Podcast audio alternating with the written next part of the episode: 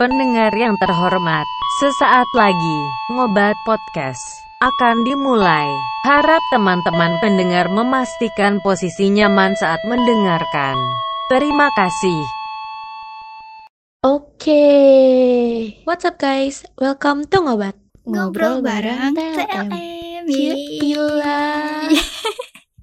Nah, kalau teman pendengar ngikutin dari episode podcast sebelumnya, pasti tahu nih kalau suaranya itu beda. Bener banget nih, kita sekarang ganti MC nih. Gimana kalau kita mulai perkenalan dulu, biar disayang kayak MC yang kemarin? Waduh, asik banget nih disayang.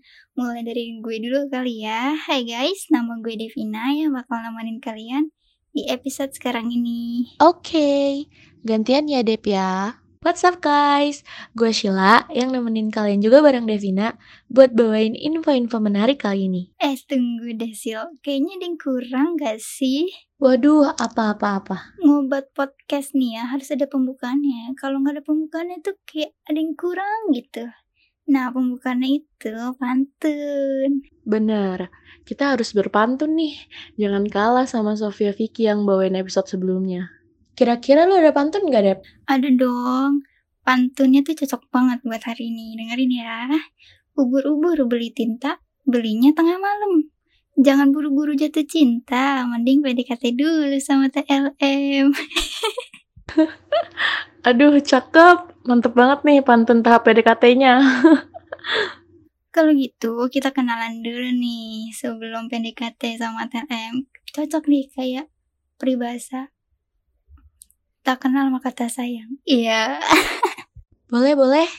Bisa dijelasin gak nih, Dep? TLM apa? Oke, jadi TLM itu apa sih? TLM itu singkatan dari Teknologi Laboratorium Medis yang sebelumnya itu dikenal analis kesehatan. Jadi TLM kerjanya gimana? Ngapain aja nih? Waduh, kesabar banget nih. PDKT-nya kita mulai pelan-pelan aja ya.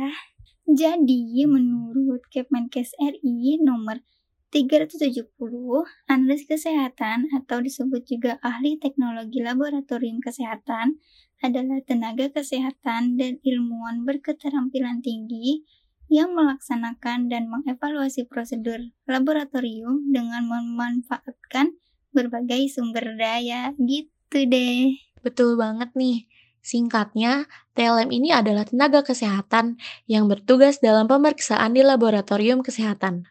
Kira-kira nih ya, kualifikasi ATLM kalau ditentukan berdasarkan pendidikan itu kayak apa sih, Sil? Nah, ini nih.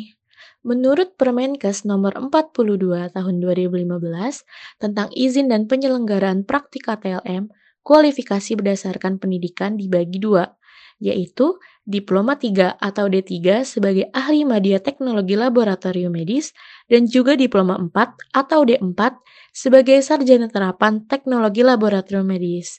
Gitu.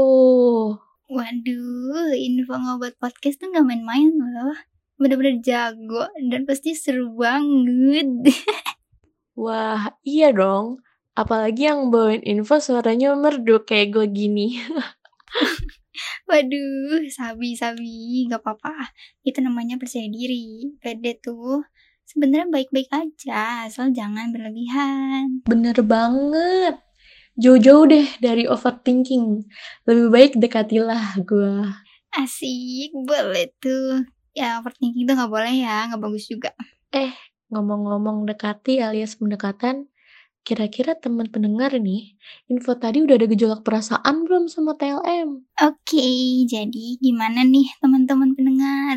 Sensasi PDKT sama TLM udah muncul belum nih? Semoga udah ya. Ah iya nih Dep, kalau boleh tahu prospek kerja TLM apa aja sih? Biar makin tertarik nih teman-teman pendengar kita.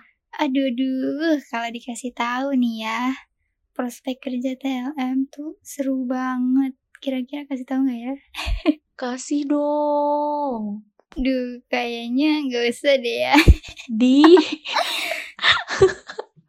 Oke oke, jadi prospek kerja TLM itu luas banget.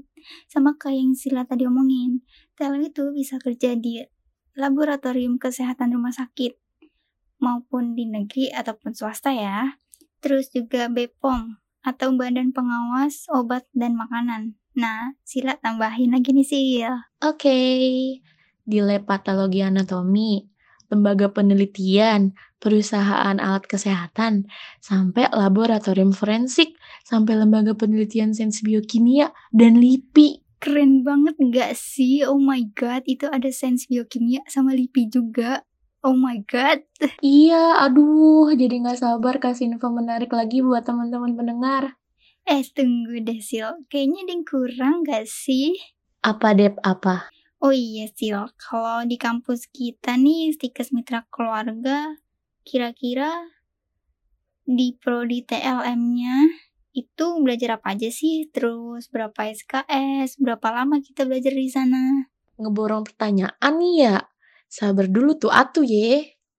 Jadi, di Stikes Mitra Keluarga nih di Prodi TLM itu jenjang pendidikannya D3. Jadi kita lulus setelah 3 tahun belajar alias 6 semester dan totalnya 112 SKS. Nah, itu kan ada banyak tuh ya, 112 SKS.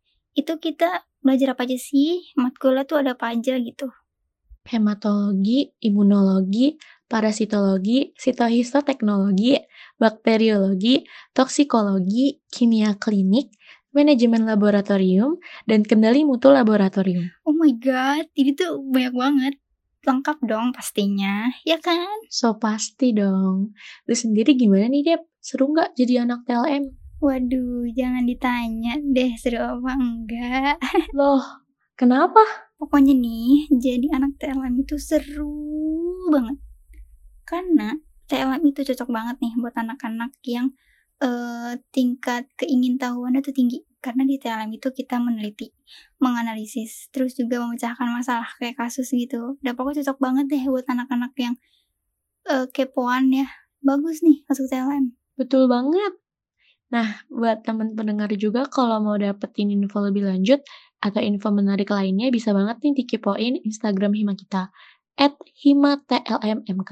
Oke, okay, sesi PDKT-nya sampai sini dulu ya. See you next episode and always listening on Ngobat. Ngobrol, bareng, bareng TLM. Bye-bye. Terima kasih sudah mendengarkan Ngobat Podcast. Sampai bertemu di episode selanjutnya.